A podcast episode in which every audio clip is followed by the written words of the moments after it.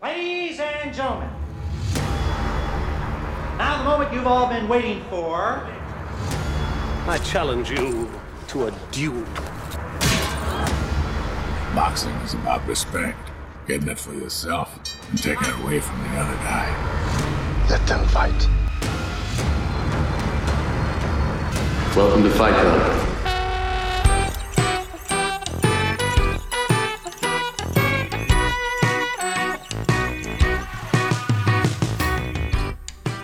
Tęskniliście za pojedynkami filmowymi? My tak samo. Czas więc zakasać rękawy i zaprosić kolejnych gości.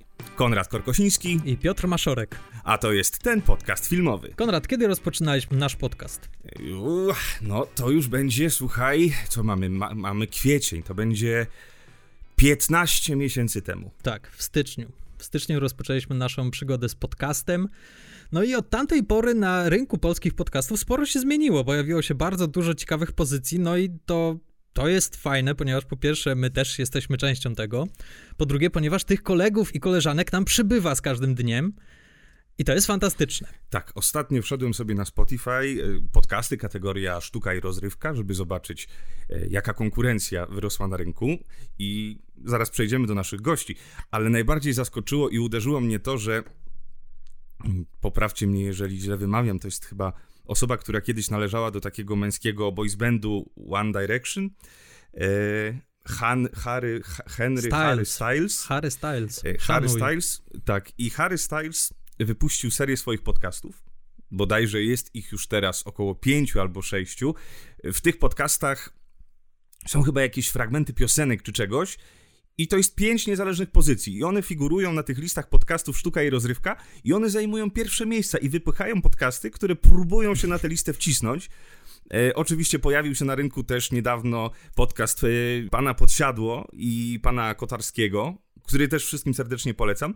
No i tak jak mówisz, tych podcastów jest coraz więcej, a dążymy do tego, że Dążymy do tego, że zaprosiliśmy nie mniejsze gwiazdy od Harry'ego Stylesa. To jest podcast, który, dlatego się ciebie pytałem o to, kiedy zaczynaliśmy. Wystartowali rok po nas. Tak samo w styczniu rozpoczęli swój podcast filmowy.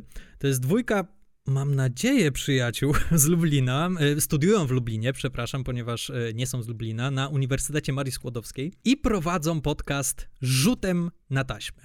Moi drodzy, przywitajcie serdecznie razem z nami Kamilę oraz Michała. Witamy was serdecznie. witamy was serdecznie. Mm, Witajcie e, bardzo serdecznie i witam wszystkich słu- słuchaczy. Również witamy. Tak, witam wszystkich słuchaczy tego podcastu filmowego.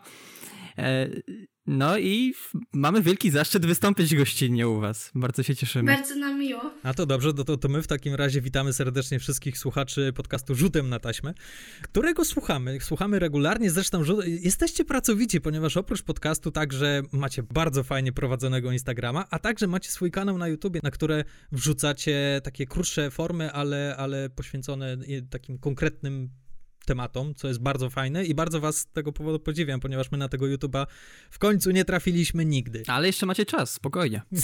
Tak. No wiesz... Podejdziemy do YouTube'a dopiero kiedy będziemy mieli na to jakiś, jakiś pomysł.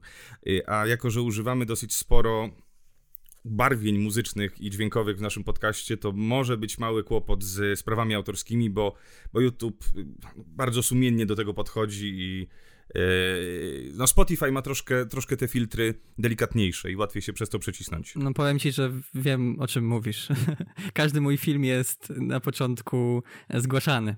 Jeśli chodzi o prawa autorskie, ja muszę później wysyłać sprzeciwy i czekać, aż mi ten film e, zaakceptują. Dobra, to ja może wyciągnę Kamilę do odpowiedzi. Kamila, może, może zdradzisz nam, co was skłoniło do tego, że, że postanowiliście usiąść przed mikrofonami i zacząć nagrywać swoje rozmowy o filmach? E, My się w ogóle poznaliśmy przez internet i tak jakoś dobrze zaczęliśmy się dogadywać, że od razu postanowiliśmy zacząć razem współpracę. Ja byłam wtedy zafascynowana właśnie różnymi podcastami filmowymi, bo zaczęło się ich bardzo dużo na rynku pojawiać. Między innymi ten podcast filmowy, ale też na przykład Michała Leszczyka Spoilermaster. No i po prostu się tak zgadaliśmy, dobrze nam się gadało i uznaliśmy, dobra, to co, próbujemy, jakieś tam odcinki nagramy i tak się zaczęło toczyć, że, że dalej działamy i się rozkręcę. Tak, ja dodam, że Kamila e, namówiła mnie do założenia tego podcastu, to znaczy stwierdziła, ej, fajnie się gada o filmach, bo my mamy w ogóle też grupkę na Facebooku Kinomaniacy UMCS-u i tam przez jakiś czas spotykaliśmy się online, e, oglądaliśmy jakiś film, a potem roz, o nim rozmawialiśmy, nie? No i tak sobie rozmawialiśmy i w końcu Kamila stwierdziła, ej, słuchaj, załóżmy podcast, będzie fajnie.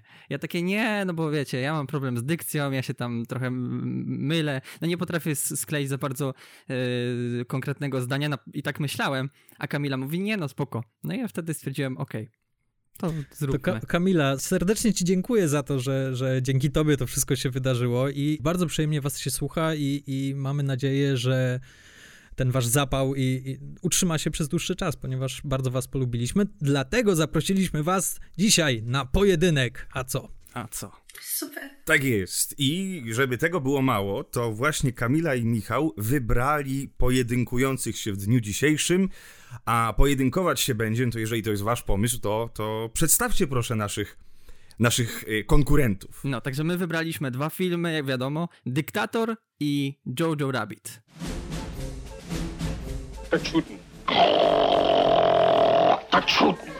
His Excellency has just referred to the Jewish people.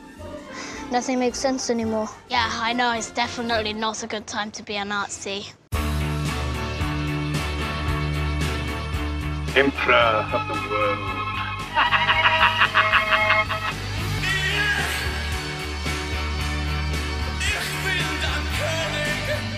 What's the first thing you do when you're free? Dance. Da Bluten, Bremen, der Cheese a Kraken. No, Bluten, the banana. The banana. The Nudu, das Kran about banana. Captain Klenzendorf. Heil Hitler. Heil Hitler. Heil Hitler. Heil Hitler. Heil Hitler. Heil Hitler. Heil Hitler. Heil Hitler. Heil Hitler. Heil Hitler. Hey, der Fluten sagt der Fleppen. Und der Blitzen sagt der Knütz. Mit der... Adolf? I don't think I can do this. Of course you can. But you're still the bestest, most loyal little Nazi I've ever met. Soldiers, don't give yourselves to brutes. Men who despise you, enslave you, who regiment your lives, tell you what to do, what to think, and what to feel, who drill you, diet you, treat you like cattle, use you as cannon fodder. Don't give yourselves to these unnatural men, machine men with machine minds and machine hearts. Fuck off, Hitler. To zaznaczmy od razu, że to nie jest ten dyktator y, z Sasha Baron Cohenem, to jest dyktator w reżyserii Charla... Ch- Charla... Charlie'ego Chaplina. Dziękuję ci, Michał. To był pomysł Michała. Michał? Tak, to ja. Dobra, Wytłumacz teraz. się. Przede wszystkim, że ja lubię bardzo filmy, które e, są słodko-gorzkie, jak ja to nazywam, bo, e, które potrafią mnie doprowadzić do łez, e, do wzruszenia, ale również e, po, potrafią wywołać u mnie śmiech. I, i po prostu stwierdziłem, że e, Jojo Rabbit i Dyktator idealnie do siebie mm, pasują w tym, w, to, bo to są komedie jednak i jeszcze e, dzieli ich całkiem spory kawał czasu, no nie? Premiera Dyktatora była w 1940, no a Jojo Rabbit no to w 2019, więc stwierdziłem, że jeszcze ta różnica czasowa może być ciekawa, takie porównanie dwóch filmów. Mhm. Jojo Rabbit to jest dosyć świeży film, y, to nie będę nawet o to pytał, ale jestem ciekaw, jak trafiliście na Dyktatora, kiedy pierwszy raz oglądaliście Dyktatora i, i, i jakie wrażenie na was zrobił? Ja obejrzałam pierwszy raz Dyktatora dopiero pod ten odcinek, bo wcześniej jakoś y, nie zajmowałam się zbytnio komedią i nie za bardzo mnie ciągnęło w tą stronę. Bardziej jakaś klasyka, filmy, nie wiem, obyczajowe i tak dalej. Ale on zrobił naprawdę na mnie fenomenalne wrażenie. Zwłaszcza jak y, udało się Charlie'emu Chaplinowi pokazać Hitlera. To jest y, genialne. No, u mnie to było w liceum, jak w ogóle cała historia od, od kiedy zacząłem się interesować kinematografią, to było tak, że tam na lekcji miałem edukację filmową w liceum i tam właśnie pan od matematyki, bo on był też od matematyki, u, uczył te, tego przedmiotu nas i pokazywał nam różne filmy. No i ja tak w sumie zacząłem oglądać wszystko, co on mi pokazał e, i jak dotarłem do tego, e, do tej prehistorii kinematografii, były te kino nieme i tak dalej, no to z, trafiłem na Charlie'ego Chaplina. No i po prostu tak się w niego wkręciłem, że obejrzałem wszystkie filmy. Po, powiem szczerze, że y, po prostu dyktator mnie y, rozwalił w środku.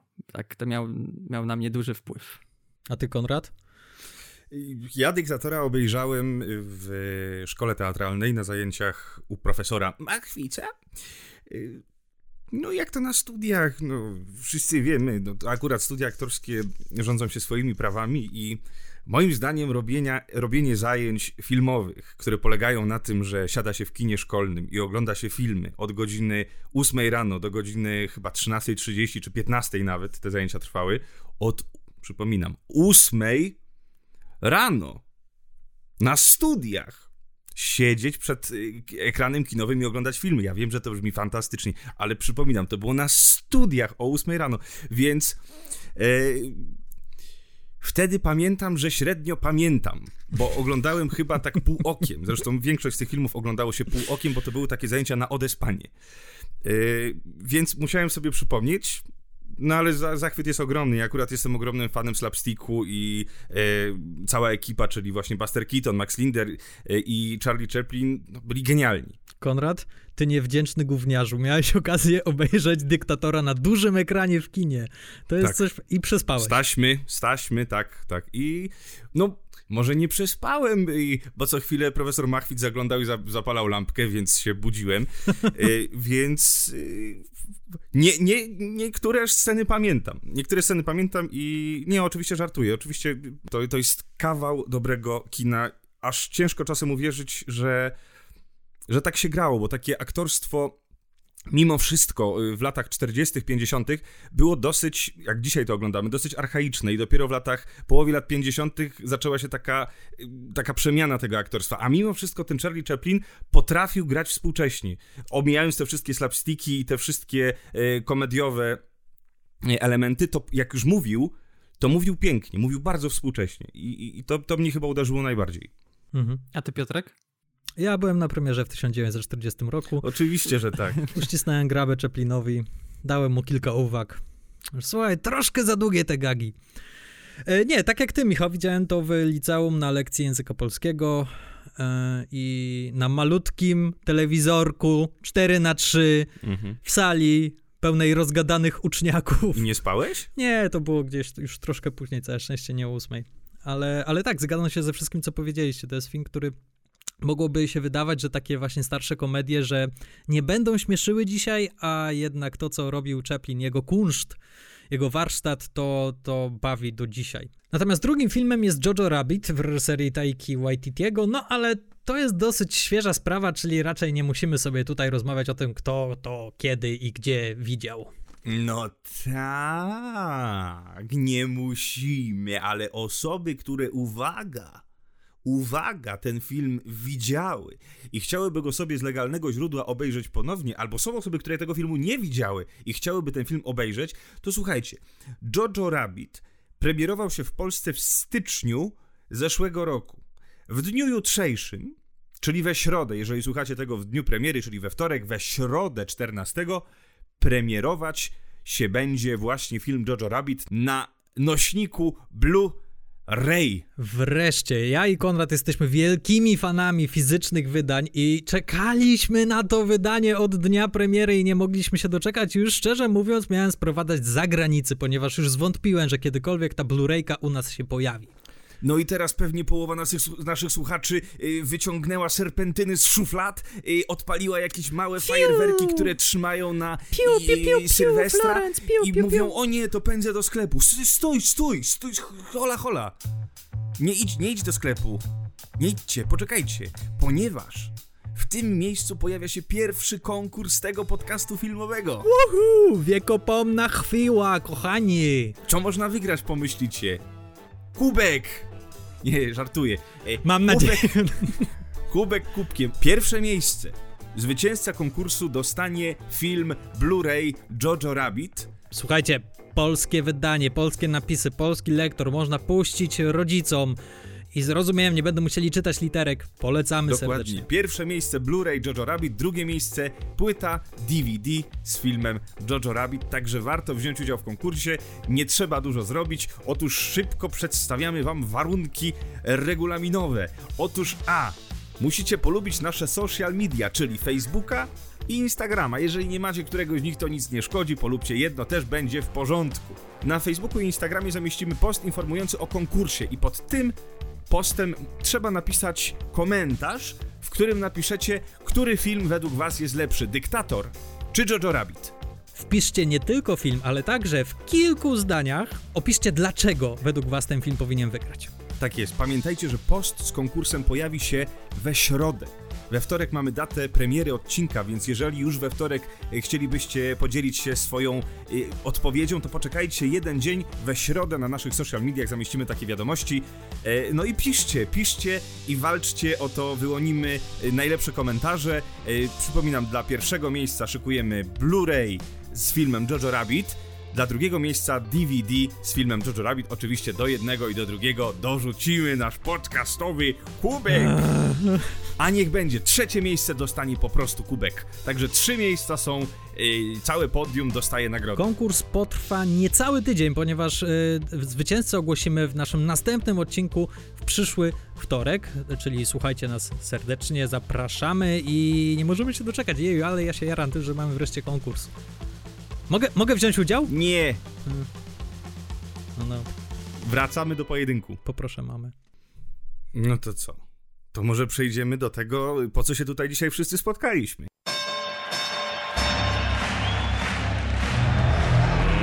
Let's get ready to rumble!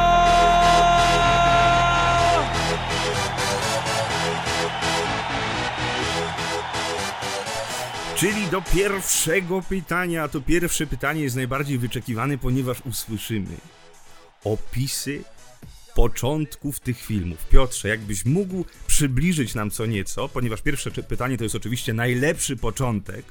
Y, także Piotrze, poprosimy cię o krótkie wprowadzenie. Podoba mi się to, krótkie. zawsze akcentujesz krótkie. Ech, dobrze, rozsiądźcie się wygodnie, to trochę potrwa, bo będę opisywał Zapinamy dokładnie pasy. wszystko, co Chaplin robi na ekranie. Tak jeszcze na marginesie, chciałbym tutaj, żebyśmy docenili fakt, że obydwa filmy mają napisy początkowe. Autentyczne napisy początkowe, co już w chwili obecnej jest jest ewenementem. W chwili obecnej już napisów początkowych w kinie nie ma. Ja jestem wielkim fanem napisów początkowych i bardzo się cieszę, że oby te dwa filmy je prezentują. W Dyktatorze, w tych napisach początkowych, dowiadujemy się, że wszelkie podobieństwo żydowskiego Golibrody do dyktatora jest całkowicie przypadkowe. Czyli już mamy pierwsze puszczenie oczka do widza. Jest rok 1918. Na zachodnim froncie żydowski szeregowiec walczy za swój kraj, czyli Tomanię. Widzimy go w akcji, jak obsługuje potężne działo. Nie wiem, czy to działo faktycznie istniało, czy zostało wymyślone do tego filmu. W każdym razie nie idzie mu to najlepiej. Najpierw wysadza wychodek, a później wystrzela niewypał, który o mało nie zabija wszystkich dookoła. E, Następnie trafia do samolotu komandora Schulza, któremu ratuje życie ledwo, ale niestety Tomania przegrywa wojnę, co umożliwia dyktatorowi Aenoidowi Hinkelowi dojście do władzy. Oczywiście troszkę tam rozbudowałem to, to nie jest pierwsza scena. Ja wiem, o stricte 30 pierwsza minut. Scena, No. tak. No nie moja wina, że ta scena składa się z, ze skeczy Ja wiem, ja wiem. i, i tak, takie sceny są, trwają po 10 minut każda. No dobrze. Jojo Rabbit.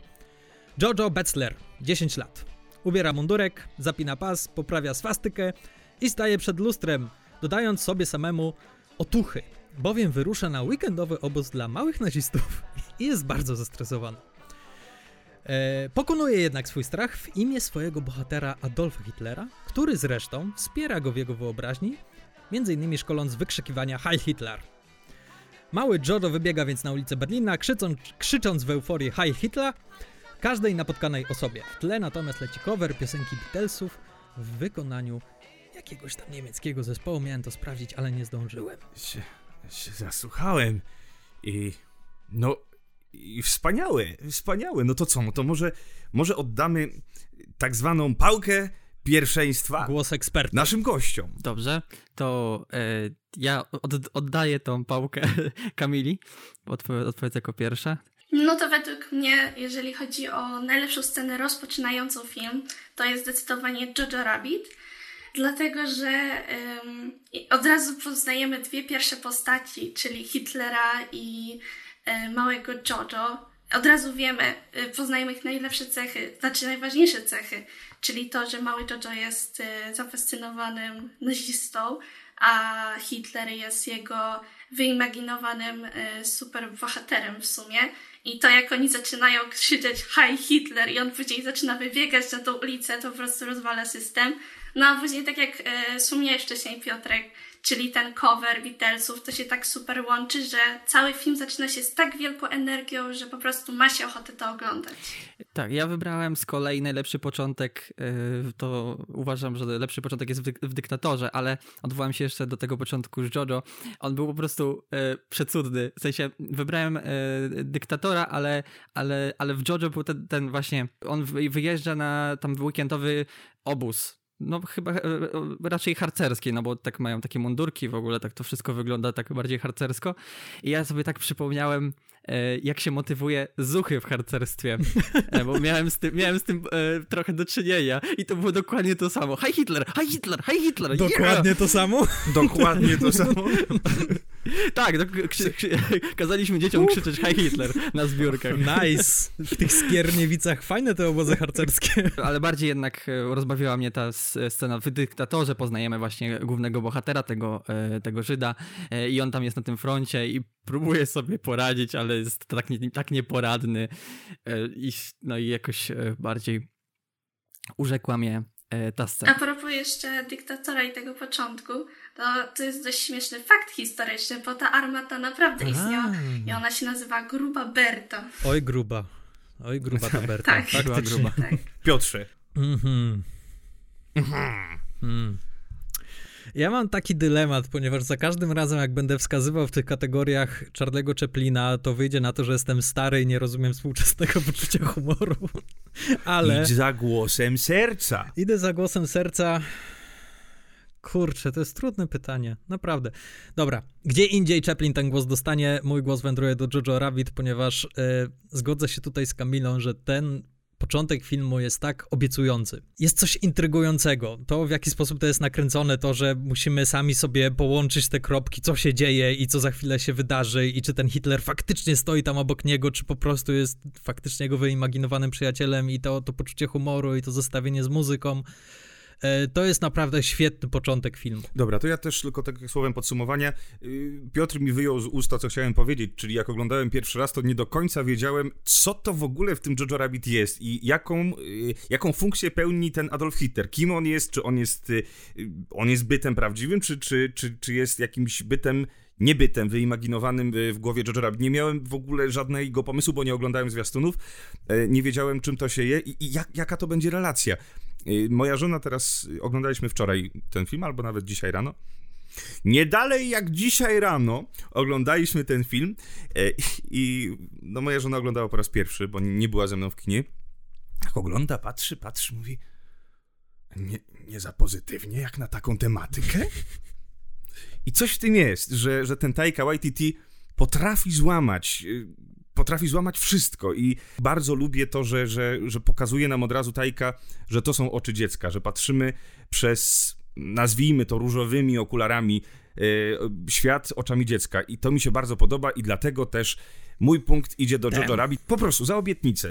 Większa obietnica jest i taka niewiadoma jest w Jojo Rabbit, a w Dyktatorze mamy jednak te karty, wszystkie karty są rzucone na stół od pierwszej sekundy i, i widzimy, co się dzieje, no ale wiadomo, że to jest też różnica 80 lat. Dobra, nieważne, mamy trzy punkty dla Jojo Rabbit, bo się rozgadałem, chyba, że ktoś chce coś dodać, czy przechodzimy do drugiego pytania? Ja bym chciał powiedzieć, że, że Taika właśnie... O, o, on taki jest, w sensie on, on, patrzy na świat przez te różowe okulary, on widzi bardzo dużo, dużo pozytywów. Co ciekawe, on sam ma korzenie żydowskie, czyli musi, jaki dystans musi mieć do tego wszystkiego? Heil me, man. Heil Hitler. What? You can heil me better than that. Heil Hitler. Who's Hitler? Do you even speak German? Heil Hitler. That's not a heil. This is a heil. Heil. Heil Hitler. Heil Hitler. Heil Hitler. Heil Hitler. Heil Hitler. Heil Hitler. Heil Ooh, that's it. You got it. Heil Hitler. Have a great day. Heil Hitler. You're gonna be the best. Heil Hitler. You can do it. Heil Hitler. Heil Hitler. Ale ja tylko chciałem dorzucić, zanim przejdziemy do drugiej kategorii. Michał, trzymaj się dzielnie, ja zaraz dołączę do ciebie w obronie Czeplina. Możemy kontynuować, proszę. Dobra, w takim razie druga kategoria, czyli jaka jest wasza ulubiona, Piotr wymyślił, śmieszna scena? Co, co jest nie tak w śmiesznej scenie? Dobrze, dobrze. Śmieszna scena. To są filmy, które rzeczywiście wygenerowały sporo tych śmiesznych, scen. No i, i co tam wam najbardziej, która śmieszność najbardziej wam y, wyprodukowała uśmiech na, na twarzy. I, także o śmiesznotach teraz. To ja tutaj dołączam do, do teamu chłopaków. Tak, dołączam do teamu chłopaków i mój punkt leci dla dyktatora. Jej! Najbardziej rozbawiła mnie tam scena, jak e, biedny żołnierz, on tam e, sobie niechcący wrzucił granat do koszuli i nie mógł później się z tego wyplątać. I to po prostu mnie tak rozśmieszyło, że zaczęłam się całkiem, całkowicie śmiać i no to było genialne. Tutaj Piotrek wspomniał, że stanie za, za mną i obroni dyktatora. Nie rób tego. Nie zdradzaj ja teraz. Że nie. W tej kategorii jestem antagonistą. Mnie osobiście wiele rzeczy mnie e, śmieszyło w dyktatorze, e, ale najbardziej, e, najbardziej zabawna scena, jaką widziałem, to właśnie w JoJo, kiedy on zostaje e, wyśmiany przez, e, przez rówieśników na tym obozie, bo nie chciał zabić królika, bo się bał. No i ucieka tam w las i siedzi sam i, i tam płacze. No i pojawia się Hitler, który go podnosi na duchu. Jojo tam wstaje i mówi, że teraz pokaże wszystkim, kto tu jest prawdziwym królikiem. No i zaczyna biec, nie? On tam biegnie, biegnie, biegnie, biegnie w stronę grupki, która uczy się rzucać granat, no i razem z Hitlerem przeskakuje nad nimi, bierze ten granat, no i go rzuca je i tam w ten moment slow motion, jak Hitler około niego biegnie i wykona jakiś dziwny taniec. I to, to było po prostu dla mnie najśmieszniejsze e, co, co widziałem w tym filmie. Dobra, czyli punkt od Michała leci do Jojo Rabbit. Judasz. To teraz ja sobie pozwolę sobie oddać oddać mój głos. Zgadzam się, że ta scena jest bardzo zabawna, chociaż mnie bardziej bawi to, co się dzieje później, czyli ten Hitler y, ogląda, oglądający Jojo Rabbit leżącego, mdlejący. To już jest taki bardziej, y, bardziej właśnie slapstickowy, a ja jeżeli chodzi o, o komedię fizyczną, no to jestem ogromnym fanem i ten slapstick jest dla mnie ojej, ja się po prostu zajadam. Charlie Chaplin, który jest tego mistrzem, no, on musi dostać ten głos y, ode mnie, ponieważ a, za przemówienie Hitlera, czyli za ten jego wymyślny niemiecki, który ja, śmiałem się przy każdej kwestii. Parskałem jak nigdy. E, I to było fantastyczne. A druga scena to oczywiście jedzenie tego. Nie wiem, co to jest za potrawa, jakaś taka babeczka, w której została ukryta moneta. Pudding. To był pudding. Pudding, niech będzie pudding. E... Tradycyjna żydowska potrawa. Dobra, niech będzie pudding. E... Mieli znaleźć monetę i osoba, która, która znajdzie monetę, musi się poświęcić dla sprawy. Kto widział dyktatora, ten wie, wie, jak to wygląda i no i ten Charlie Chaplin jest to jest tak niesłychanie kompetentny facet, jeżeli chodzi o komedię. I to jest no, taki, no to jest wyrobnik. To już nawet ciężko go nazwać artystą, tylko po prostu faceta, to jest facet, który ciężko na to pracuje. Opowiadał nam nasz opiekun, nie opiekun, tylko właśnie profesor Machwitz, że jak jest taka, jest w ogóle takie nagranie, nie wiem, czy ono jest dostępne na YouTubie, czy nie, jak Charlie Chaplin nastawił kamerę, żeby nagrać ujęcie spadania ze schodów. I Charlie Chaplin wchodzi po schodach, spada z tych schodów i powtarza to około, nie wiem, 20 czy 30 razy, aż w końcu spadnie tak, że to go zadowoli, to będzie, e, to będzie akceptowalne dla niego, więc jest niesamowite, jak człowiek się może poświęcić, tylko pytanie, ile w tym artyzmu, ale to chyba nie, nie po to się spotkaliśmy, żeby nad tym się zastanawiać. On był perfekcjonistą i bardzo to w nim cenię i tak jak się, mogłoby się wydawać, że, że w komedii może nie być na to miejsca, że to powinno być bardziej spontaniczne i to powinno być yy, właśnie z tej spontaniczności wynika bardzo dużo śmiesz, śmiesznych sytuacji. Mimo, że tego tutaj nie ma, to ten slapstick jest tak, tak sprawny, że, że bawi mnie w każdych możliwych okolicznościach i wszystkie sytuacje, gdzie, gdzie Chaplin próbuje się oprzeć o mur i tego muru tam nie ma, no to, to ja pękam ze śmiechu, więc mój punkt idzie do Charlie'ego Chaplina i do dyktatora. A się wygadałem. Piotrze. Pierwsze, Michał, zdrajco. Przepraszam. Dorzucę do twojej kategorii e, mój dwa ulubione dowcipy z Jojo Rabbita, czyli, czyli Hi Hitler, Hi Hitler, Hi Hitler, Hi Hitler, Hi Hitler, Hi Hitler, Hi Hitler, który jest ciągnięty tak absurdalnie długo i to za każdym razem mnie bawi, a drugi to jest Idź przytul Amerykanina. Kto oglądał, ten wie. Ale poczucie humoru w Jojo Rabbicie i te śmieszne sceny, dla mnie to jest troszkę cały czas jeden dowcip, ogrywany na różne sposoby. Natomiast to, co Konrad powiedział i to, co powiedziała Kamila, kreatywność Czeplina. To, jak on potrafi jedną sytuację ograć do pięcio, sześcio, siedmio, dziesięciominutowej sceny i cały czas tam coś się dzieje, cały czas coś zaskakuje i cały czas to jest śmieszne, no to to jest Mistrzostwo Świata, dlatego tutaj, w tej kategorii, moja ulubiona śmieszna scena Mógłbym powiedzieć, że to są wszystkie sceny z Dyktatora, naprawdę, ale wezmę tą scenę z patelnią, y, tą, kiedy on wraca do swojego salonu fryzjerskiego, pakuje się w tarapaty, ponieważ dwóch nazistów wymalowuje mu na witrynie napis Żyd. On wychodzi, nie wie co się dzieje, bo oczywiście ma amnezję, stawia im opór. No i ten cały balet, który on tam odstawia z tymi dwoma nazistami i jeszcze z tą swoją ukochaną Haną e, i z tą patelnią i ten jego taniec na krawężniku, kiedy oberwie tą patelnią i idzie taki półprzytomny. Nie ma już takich aktorów komediowych, nie ma e, takich osób, które potrafią ten kunszt slapsticku i takiego komediowego grania wynieść na taki poziom, że to jest naprawdę sztuka. To jest coś, co powinno się, powinien być osobny e, przedmiot w szkołach filmowych, szkołach aktorskich, który by czegoś takiego uczył. Dlatego tak, mój głos e, wędruje do Czeplina. Michał, w zeszłej kategorii byłeś jedynym, który zagłosował na Chaplina, w tej kategorii jesteś jedynym, który nie zagłosował. na George'a. Tak, dobrze ci Ale tak. ja bym, chciał, ja bym chciał dodać, że Chaplin, nie, no, pomimo tego, że miał wielki talent właśnie do tego slapsticku, no to to się nie wzięło znikąd, bo jego rodzice byli aktorami wodewilowymi. On już występował, jak był małym dzieckiem, zaśpiewał za swoją matkę w teatrze, która nie dała rady i z, z, nagle na scenę e, zaczęto rzucać monety i posypał się grad właśnie tych monet. Nie ma drugiego takiego aktora, reżysera, który by właśnie e, tym slapstickiem nas tak oczarował tymi swoimi ruchami.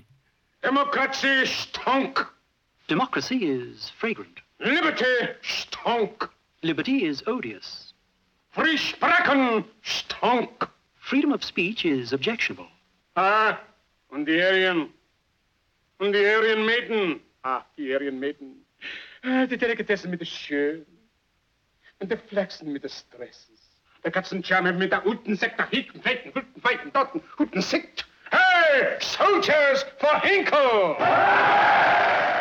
Dobra, no to słuchajcie, no to tyle o śmiesznych scenach. Teraz przejdźmy na drugą stronę barykady, czyli o smutnych, o smutnych scenach.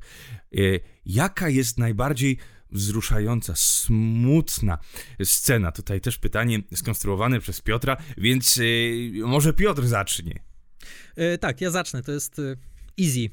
To jest bardzo łatwa ta, kategoria. To jest e, scena z butami w Jojo Rabbit. Ten film ma swój charakter pisma. My już po pierwszych 10-15 minutach wiemy, jak ten film będzie wyglądał i co będziemy oglądać. I, I jaki ton zostanie utrzymany. I nagle pojawia się ta scena, której zupełnie się nie spodziewasz, a której powinieneś się spodziewać, ponieważ ona była bardzo umiejętnie wprowadzana. Oczywiście, że tak. Od samego początku już, już czujesz pismo nosem, jak ona go gładzi mu pokazuje, mówi patrz.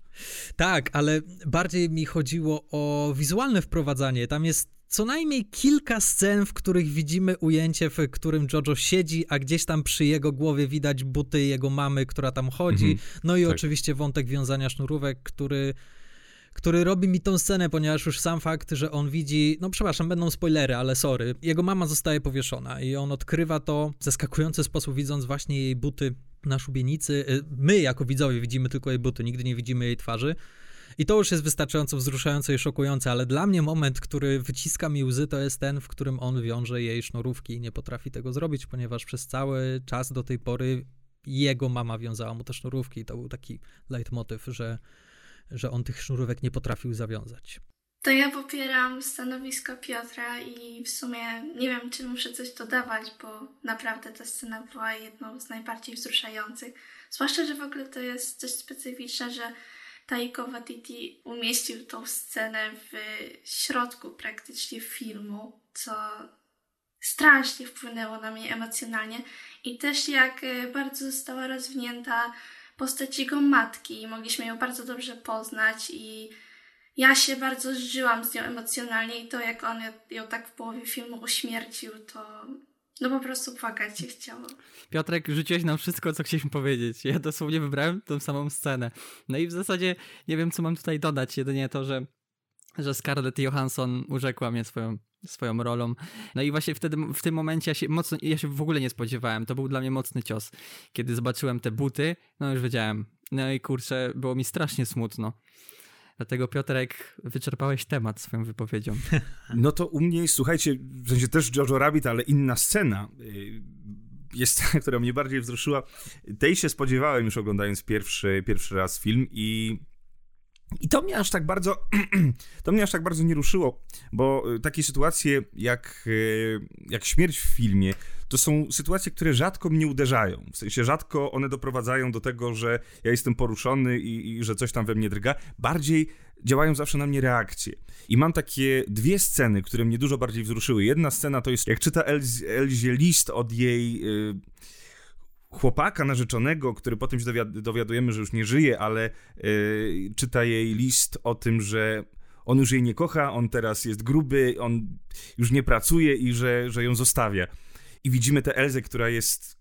Już czujemy, że coś jest nie tak, że ona nie chce mu powiedzieć, że coś złego się z nim stało, i ona bardzo to przeżywa w środku. I, i to był pi pierwszy moment, kiedy ja się bardzo wzruszyłem na tym filmie.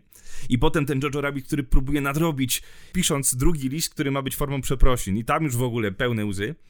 E, a druga scena to jest moment, kiedy przychodzi Gestapo do domu e, i Elza przebiera się w Ingę. Sam Rockwell, który gra, też nie pamiętam, przepraszam, jestem to kompletnie nieprzygotowany. Klenzendorf, powtórz. Klenzendorf.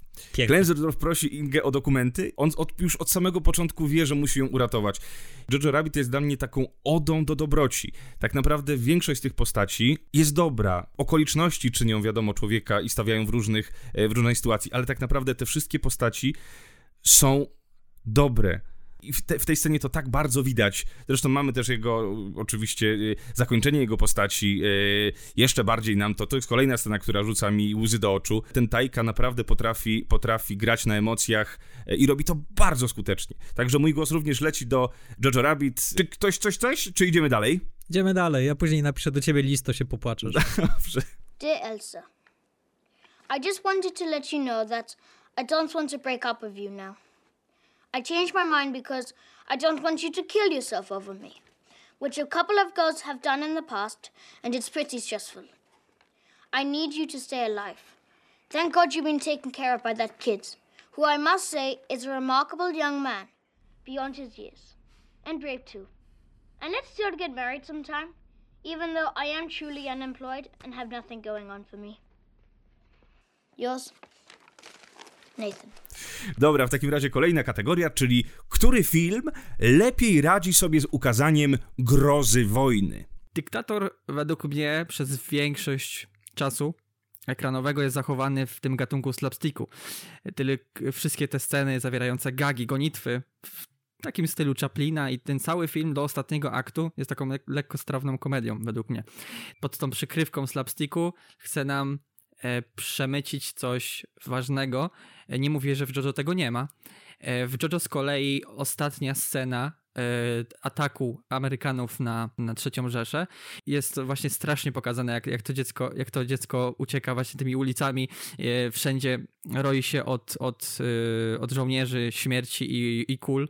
Ta końcówka w JoJo dużo lepiej ukazuje ten bezsens wojny i tą grozę całą. Tak, ja też uważam, że w JoJo jest to lepiej pokazane. Oczywiście jakby cały dyktator cały czas obraca się tam temat wojny i trochę y, takiego irracjonalizmu, y, jeżeli chodzi o nazizm, ale strasznie na mnie wpłynęło emocjonalnie to, jak y, bardzo zostało pokazane, że taki mały chłopiec Jojo już ma raptem 10 lat w sumie, a jest tak bardzo zafiksowany na punkcie nazizmu i tak bardzo Hitler jakby potrafił zmienić psychikę ludzi, że oni są w stanie robić rzeczy, które nam wydają się całkowicie nienormalne, jak na przykład to, jak ci nastolatkowie zachęcają go do tego, żeby zabił króliczka, bo to przecież takie normalne jest, e, bo trzeba, bo jesteśmy na wojnie, a on jednak tam wewnętrznie się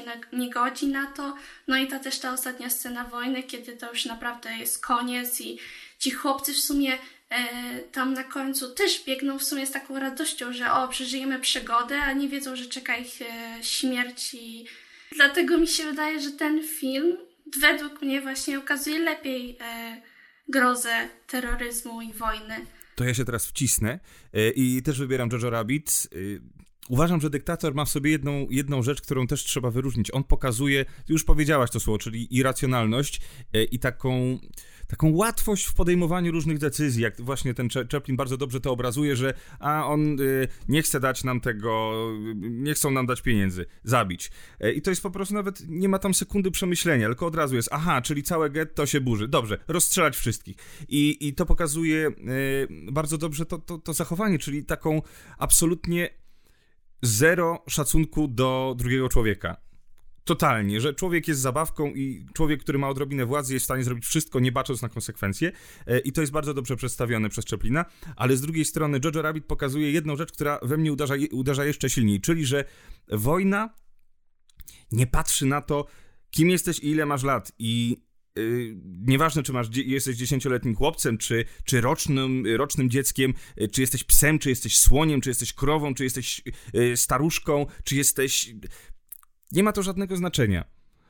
Wojna nie pyta o wiek, wojna nie pyta o płeć i możecie spotkać. I, I, ten film bardzo dobrze to obrazuje, że możecie spotkać tragedia w każdej sekundzie. Idąc na spacer i goniąc za motylami, możesz zobaczyć swoją martwą matkę wiszącą na środku placu. Więc e, ode mnie punkt oczywiście też idzie do, do Jojo Rabbit. Jest troszkę zgrzyt w tej kategorii, właśnie zdałem sobie z tego sprawę, ponieważ to jednak, poza tym, że to są komedie, to, to są też e, inne filmy gatunkowo. Jojo Rabbit to jest bardziej baśń o wojnie, natomiast y, dyktator to jest satyra polityczna. I on tam właśnie skupia się na tym, co już powiedzieliście, żeby wyśmiewać mechanizmy, które, które rządzą taką wojną i które stoją za taką wojną. Pytanie dotyczy grozy wojny, no to fakt, że w dyktatorze jest jedna scena, w której widzimy, jak Żyd zostaje zamordowany. E, widzimy trochę scen na froncie, ale bardziej on się skupia na humorze. Jojo jednak znacznie więcej tych scen posiada, które przedstawiają ci tą grozę i dla mnie chyba taką najmocniejszą to jest scena z, gesz z gestapo.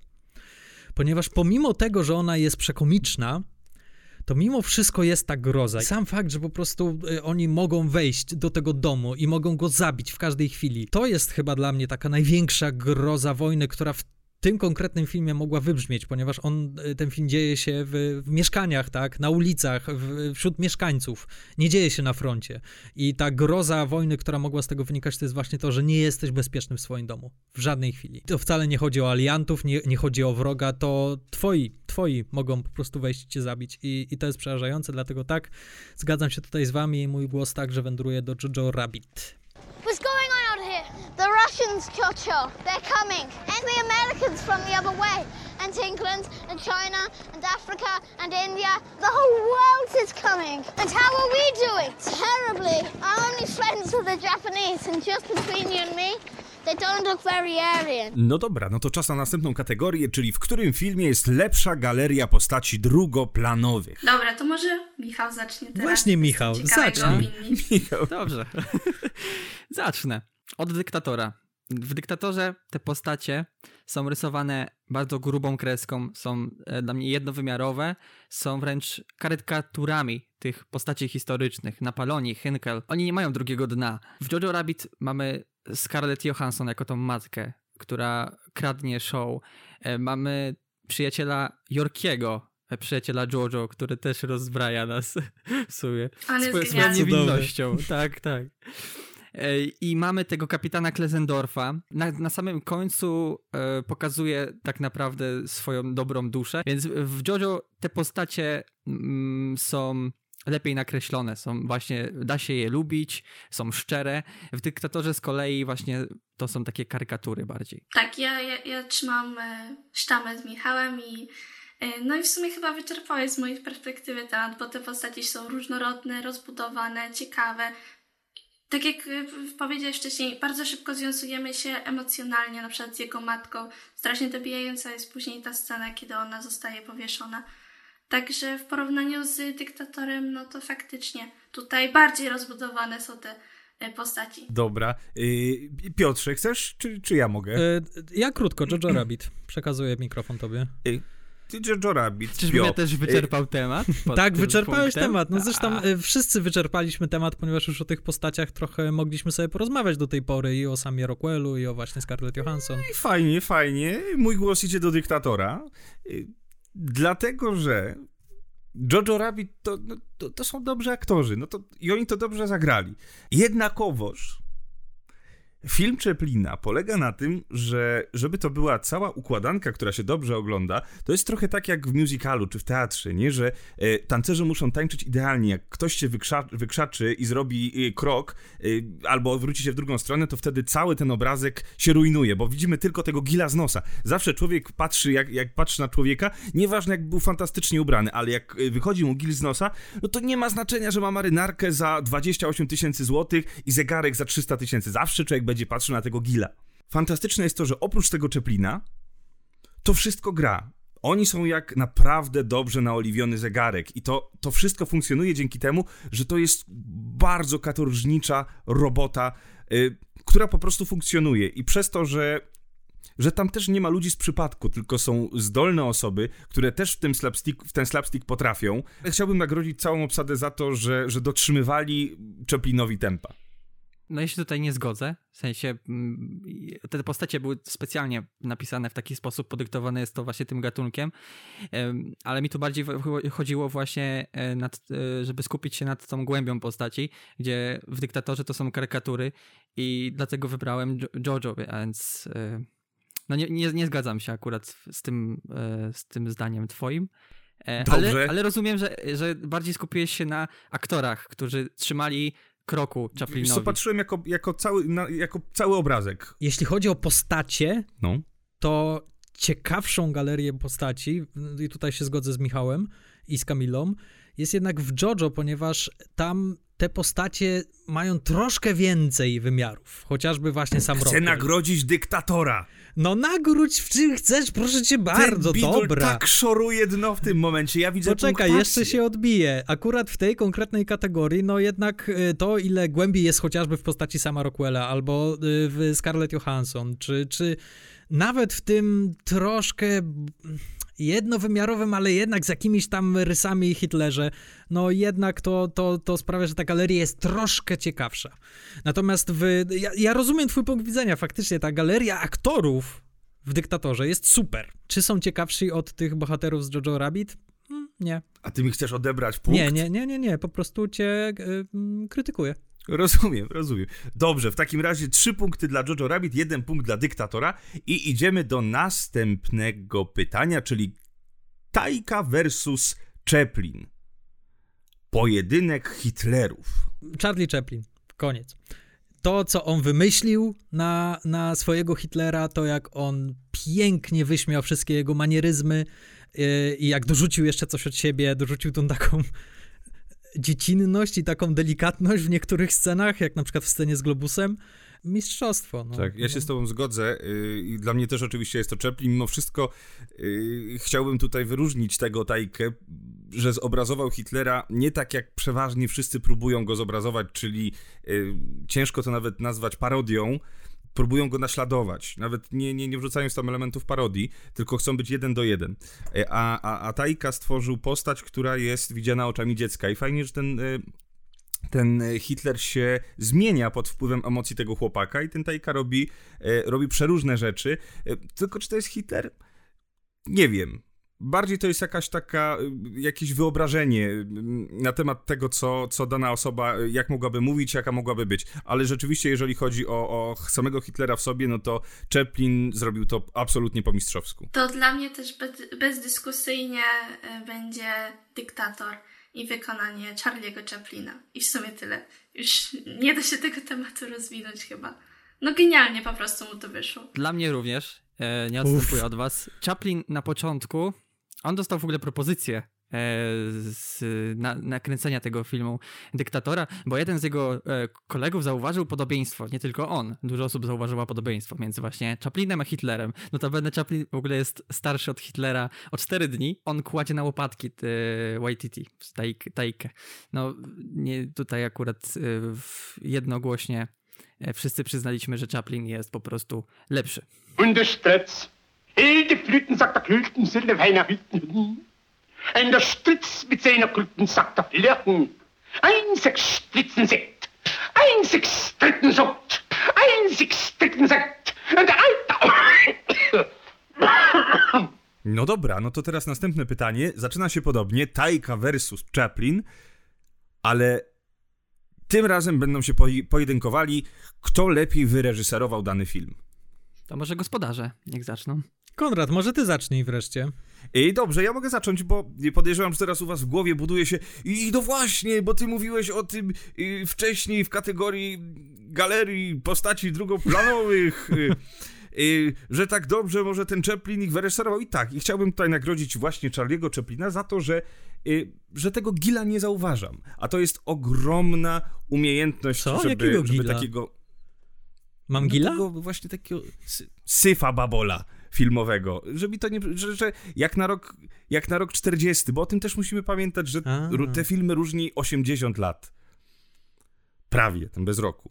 Y, I i jest to ogromny wyczyn reżyser, y, reżyserski Chaplina. Dodać jeszcze musimy, że to jest jego pierwszy film, który jest y, y, udźwiękowiony. Drugi. Pierwszy w pełni udźwiękowiony. Pierwszy to były współczesne czasy. I, no i mój, mój punkt idzie do, do y, Chaplina, bo wielkim reżyserem był. Ja bardzo lubię to, co Tajka zrobił w Jojo Rabbit. Bardzo lubię to, jak on y, właśnie żonglował tymi tonacjami y, od tego śmiechu do łez. Y. Muszę dać palmę pierwszeństwa Chaplinowi, ponieważ no kurde, on był pierwszy. I to dosłownie, on był pierwszy, pierwszy. On pierwszy w historii stwierdził, że Hitler to jest buc i że można go wyśmiewać i że trzeba mówić ludziom, jak bardzo niebezpiecznym i śmiesznym człowiekiem jest ten wariat. I on to, scenariusz do tego filmu, tutaj rozwinę trochę twoją wcześniejszą myśl, Michał, on ten scenariusz pisał w roku 37-38. Czyli w momencie, w którym jeszcze Hitler nie był traktowany jako tak, jak jest traktowany teraz. W tamtym momencie Hitler nawet był uznawany za bohatera. On, on uratował gospodarkę Niemiec, on po prostu dał pracę wszystkim Niemcom. I, I on powinien być wszędzie taki Hitler, nawet w takiej Ameryce. I bardzo dużo osób krytykowało Chaplina za ten scenariusz. Bardzo dużo osób mówiło mu, żeby nie robił tego filmu, no bo to, to, to jest nie fair, to nie można tak się naśmiewać z tego wielkiego człowieka. I Chaplin z własnej kieszeni wyłożył 2 miliony dolarów, wtedy kupę pieniędzy, e, i nakręcił ten film. Chaplin w ogóle później się przyznał w swojej autobiografii, gdyby wiedział, jaka tragedia tam, się, tam była, to w życiu nie zabrałby się za zrobienie tego filmu, za sparodiowanie Hitlera. To getto, to sposób przedstawienia getta, no może się wydawać nam dzisiaj troszkę taki... Um, to jest troszkę idylliczne, ale on nie wiedział, on po prostu nie wiedział, co się naprawdę działo i ta, stąd jego wypowiedź, e, którą ty cytowałeś, Michał. We've just discovered the most wonderful, the most marvelous poison gas. It will kill everybody. All right, later, later, later. Wiesz co, wiele osób też e, chciało wyrzucić e, przemowę ostatnią. Osta, osta, ostatni, ostatnią scenę w filmie, przemowę Chaplina. Dużo osób mówiło mu, że to się nie sprawdzi, że trzeba to wyrzucić kompletnie i wiele osób mówi, wróżyło mu e, e, kompletną porażkę finansową z tym filmem. Tak. Całe szczęście to był największy sukces finansowy Chaplina do tej pory i bardzo dobrze, że mu się to zwróciło. Jeszcze a propos tego, co ty, Konrad, mówiłeś o dźwięku, że to był e, w pier pierwszy w pełni udźwiękowiony film. Chaplin ze słusznych powodów nie chciał, żeby Trump, czyli ta jego postać, nie amerykański, w cudzysłowie prezydent. Trump miał być postacią uniwersalną, która jest zrozumiana przez każdego na każdym kontynencie. Nie on, on nie ma języka, tak? I bardzo długo się wstrzymywał z tym, żeby ten dźwięk wprowadzić. Ale tutaj faktycznie przemówił po raz pierwszy i Chaplin po tylu latach zdecydował się przemówić i zdecydował się przemówić na ten temat. No i to ostatnie słowo, o którym jeszcze sobie dzisiaj porozmawiamy, czyli słuchajcie. To jest facet, który po prostu chciał, żeby ludzie zaczęli go słuchać. Dlatego tak, Charlie Chaplin wygrywa pojedynek reżyserów. On tak bardzo nie chciał, żeby ta jego postać Trumpa przemówiła, a jak już ma przemówić, jeśli już ma przemówić, to musi e, razem, wraz z tym umrzeć. E, I dlatego więcej nie nakręcił żadnego filmu z Trumpem. Już nie ma tej postaci. To ode mnie punkt również leci do Charlie'ego Chaplina. I ja tutaj oczywiście zgadzam się z Wami ze wszystkim, co powiedzieliście, a jeszcze dodam jedną rzecz a propos tego, e, kiedy on właśnie robił w pełni udźwiękowiony swój film, to to, jak on e, bardzo inteligentnie, i to potwierdza w 100% jego geniusz, połączył muzykę z gagami i e, w sumie cały dźwięk, że nie tylko opierał swoje gagi tylko na właśnie e, swoich trikach, na tym, co już wcześniej robił, tylko się otworzył na to i, i już faktycznie e, zaczął operować praktycznie same gagi, tylko muzyką. I chociażby ta scena, kiedy on jako fryzjer e, goli e, przy e, tańcu wiedeńskim i tam rusza się dosłownie w rytm muzyki, albo jak e, ucieka i próbuje podnieść swój kapelusz e, i, prób- i ucieka od e, dźwięku, na sam dźwięk e, Hinkla, który krzyczy, bo nie udało mu się podpisać paktu z, e, z em, bankierem, to to było genialne. Także tutaj szapoba po prostu. Michał, nie A, ja zagłosowałeś? chyba nie oddałem swojego głosu. E, a mo mogę wykorzystać znany już mam Precedens precedens. Damiana Proszę. Tak, nie chciałbym tutaj wybierać pomiędzy Chaplinem a Taiką. Moje serce jest podzielone pomiędzy Taiką a Chaplinem, dlatego nie, jest, nie jestem w stanie zdecydować i chciałbym się powołać na ten wasz słynny precedens z kulca. To twoje prawo. To nie nasz precedens, to precedens Damiana Kulca. Dobra, no to E, słuchajcie. Ostatnie pytanie, jeżeli chodzi o pytanie wymyślone przez ten podcast filmowy, czyli najlepszy koniec. To może ja zacznę. A nie będzie opisów Piotrka? A, Właśnie. przepraszam, bo czekałem, aż mnie wywołać do odpowiedzi i tak... E, Myślałem, że nie muszę. E, dzięki, Michał. E, dobrze, to, to Kamilo, wstrzymaj się jeszcze chwileczkę, tyci, tyci, to będą króciutkie opiski, takie malutkie. Znowu zacznę od dyktatora. E, Goli Broda po ucieczce z obozu koncentracyjnego trafia z Szulcem na czoło armii Hinkla, atakującej Osterlicz. Omyłkowo jednak zostaje wzięty za dyktatora. Dyktator natomiast za Goli Brodę. Jeden trafia do obozu koncentracyjnego, drugi na czoło armii, gdzie musi wygłosić orędzie, zanim zaczną atak. Fryzjer, no albo Chaplin, zależy jak się na to spojrzy, daje jedno z najlepszych przemówień w historii, nawołując do pokoju i niepoddawania się tyranii. Zwraca się w nim też do swojej ukochanej Hanny, która w Osterlicz prosi swoją rodzinę, aby słuchali. Jojo Rabbit. Jojo udaje się ujść cało z bitwy o Berlin, wraca do mieszkania i na pytanie Elsy, kto wygrał, kłamie, że Niemcy. Mówi jej jednak, że ją uratuje i wyprowadzi ją bezpiecznie z mieszkania. Zanim to jednak zrobi, wykopuje swojego wyimaginowanego Hitlera przez okno z okrzykiem Fuck you, Hitler! Kiedy wreszcie wychodzą na ulicę, Elza zdaje sobie sprawę, że Niemcy przegrali. Policzkuje więc Jojo i wspólnie zaczynają tańczyć do niemieckiego covera piosenki Davida Bowie Heroes. To ja tutaj chyba nie powiem nic odkrywczego i tylko podkreślę e, geniusz e, Charlie'ego Chaplina, o którym już wcześniej mówiliśmy, czyli to jak on w bardzo sprytny sposób przychodzi od negatywnego dyktatora do tego pozytywnego i ta podniosła wypowiedź, e, to orędzie do narodu, do wszystkich ludzi w sumie, to tak e, bardzo podnosi na duchu. I też mówię to z perspektywy ludzi, którzy wtedy musieli oglądać ten film, bo jakby teraz my inaczej na tą całą sytuację patrzymy. Na początku wszystko, przez cały, przez cały film praktycznie Chaplin wyśmiewa to, co, w co wierzyli wszyscy ludzie w tamtym czasie przez kilkanaście lat, czemu się poddawali, ale na końcu on ich tak pociesza, ym, sprawia, że podnoszą się na duchu i ma się taką nadzieję, że, że ten świat jednak może być lepszy, że wszystko się zmieni że wszystko pójdzie w dobrą stronę. I ta scena mnie po prostu urzekła i mój punkt leci właśnie do, do dyktatora. Mnie przemowa Chaplina w Dyktatorze była jak strzał piorunem po prostu, bo się tego totalnie nie spodziewałem e, i tutaj nawet e, przygotowałem sobie, zapisałem sobie e, cytat z tej przemowy. Nienawiść przemija, dyktatorzy umierają, a władza, którą odebrali ludowi, wróci do ludu. I dopóki ludzie umierają, nie zginie nigdy wolność. On jest w tym tak całkowicie szczery, dlatego wybrałem dyktatora. Po prostu ze względu na tą ostatnią scenę.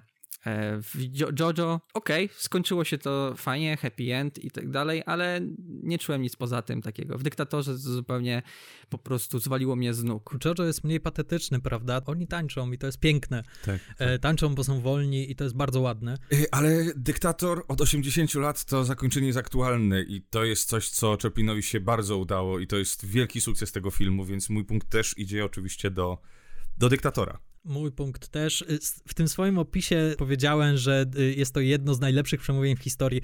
Ja to wziąłem z YouTube'a. Jeśli w YouTubie wpiszecie najlepsze przemówienie w historii w wyszukiwanie, to wyskoczy wam właśnie pierwsza albo druga pozycja to będzie właśnie przemówienie Czeplina. To przemówienie zostało przerabiane z muzyką Hansa Zimmera w tle. Ale w ogóle z... właśnie chciałem e, was zapytać o to, bo mówiłeś o tym patetyzmie.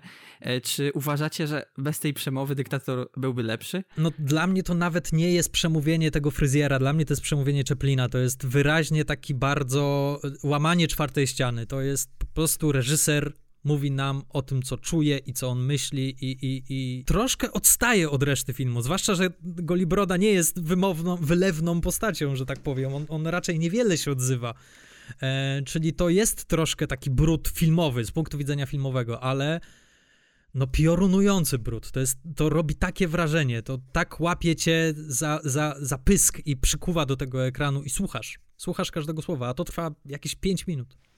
We all want to help one another. Human beings are like that. We want to live by each other's happiness, not by each other's misery. We don't want to hate and despise one another. We think too much and feel too little. To those who can hear me, I say, do not despair. The hate of men will pass, and dictators die. And the power they took from the people will return to the people. And so long as men die, liberty will never perish. Czyli co? Czyli mamy zamknięte wszystkie nasze pytania. I co? No jako, że mamy dwoje gości, no to w takim razie słuchamy pierwszego pytania, bonusowego pytania specjalnego gości odcinków. Odcinka, gości odcinka. Bonusowego pytania gościa odcinka. A potem drugiego bonusowego pytania gościa odcinka. Jak widzicie, Konrad już starość się odzywa i już zaczyna się zapętlać w swoich wypowiedziach. Oddajmy głos młodemu pokoleniu. Dobrze, to może ja zadam pierwsze z którym z głównych bohaterów bardziej związujemy się emocjonalnie? No, ja tutaj muszę oddać e, głos na, na Jojo.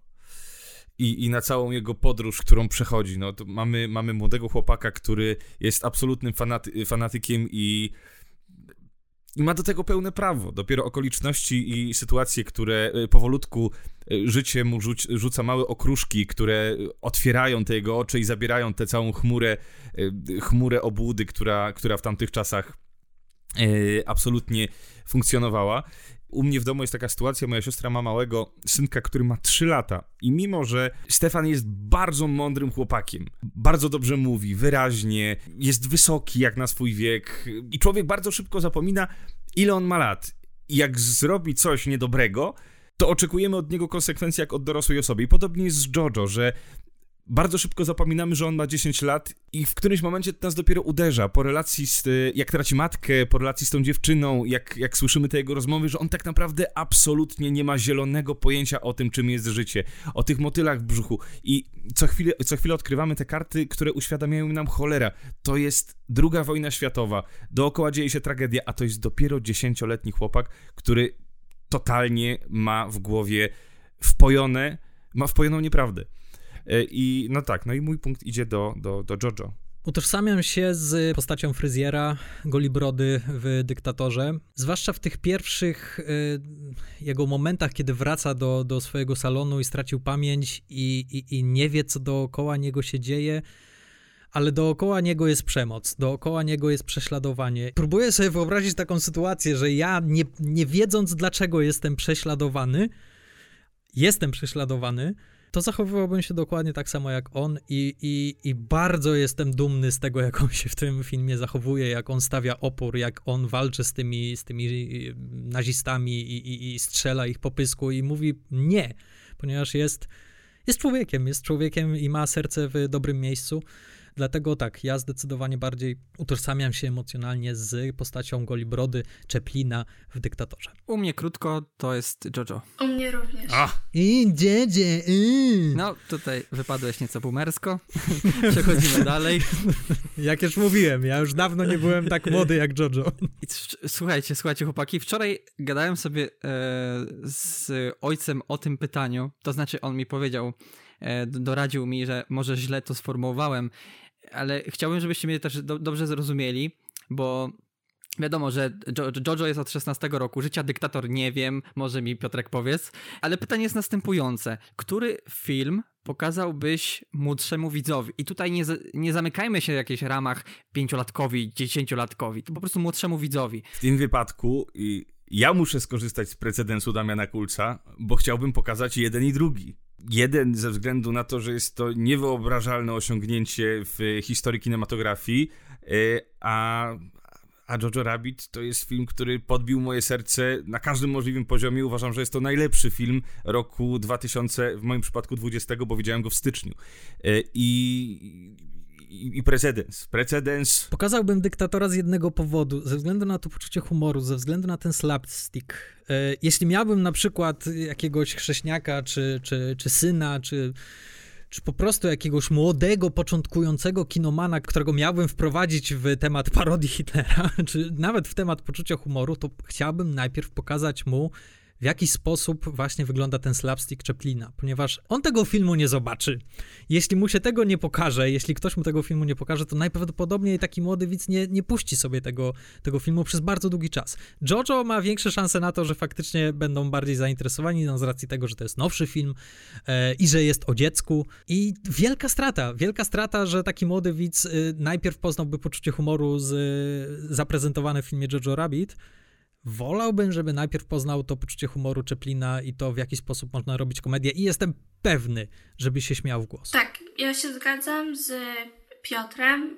To też byłoby fajne ze względu na to, że można byłoby taką osobę od razu wprowadzić w świat kinematografii, bo też jakby większość y, młodych ludzi, y, albo też nie wiem, rodziców, którzy się nie interesują kinem, zazwyczaj chodzą na jakieś filmy typu Marvel, od Marvela i tak dalej, blockbustery po prostu i te, no, dzieciaki jakby nie widzą, że, że ta historia kina nie zaczęła się od wczoraj, tylko ona jest bardzo już rozbudowana, że było naprawdę wielu twórców, y, których może zna się ze nazwiska, ale nie widziało się ich filmów i nie jesteśmy w stanie po prostu docenić ich kunsztu i tego, co oni faktycznie włożyli, jak bardzo duży wkład włożyli właśnie w kinematografię.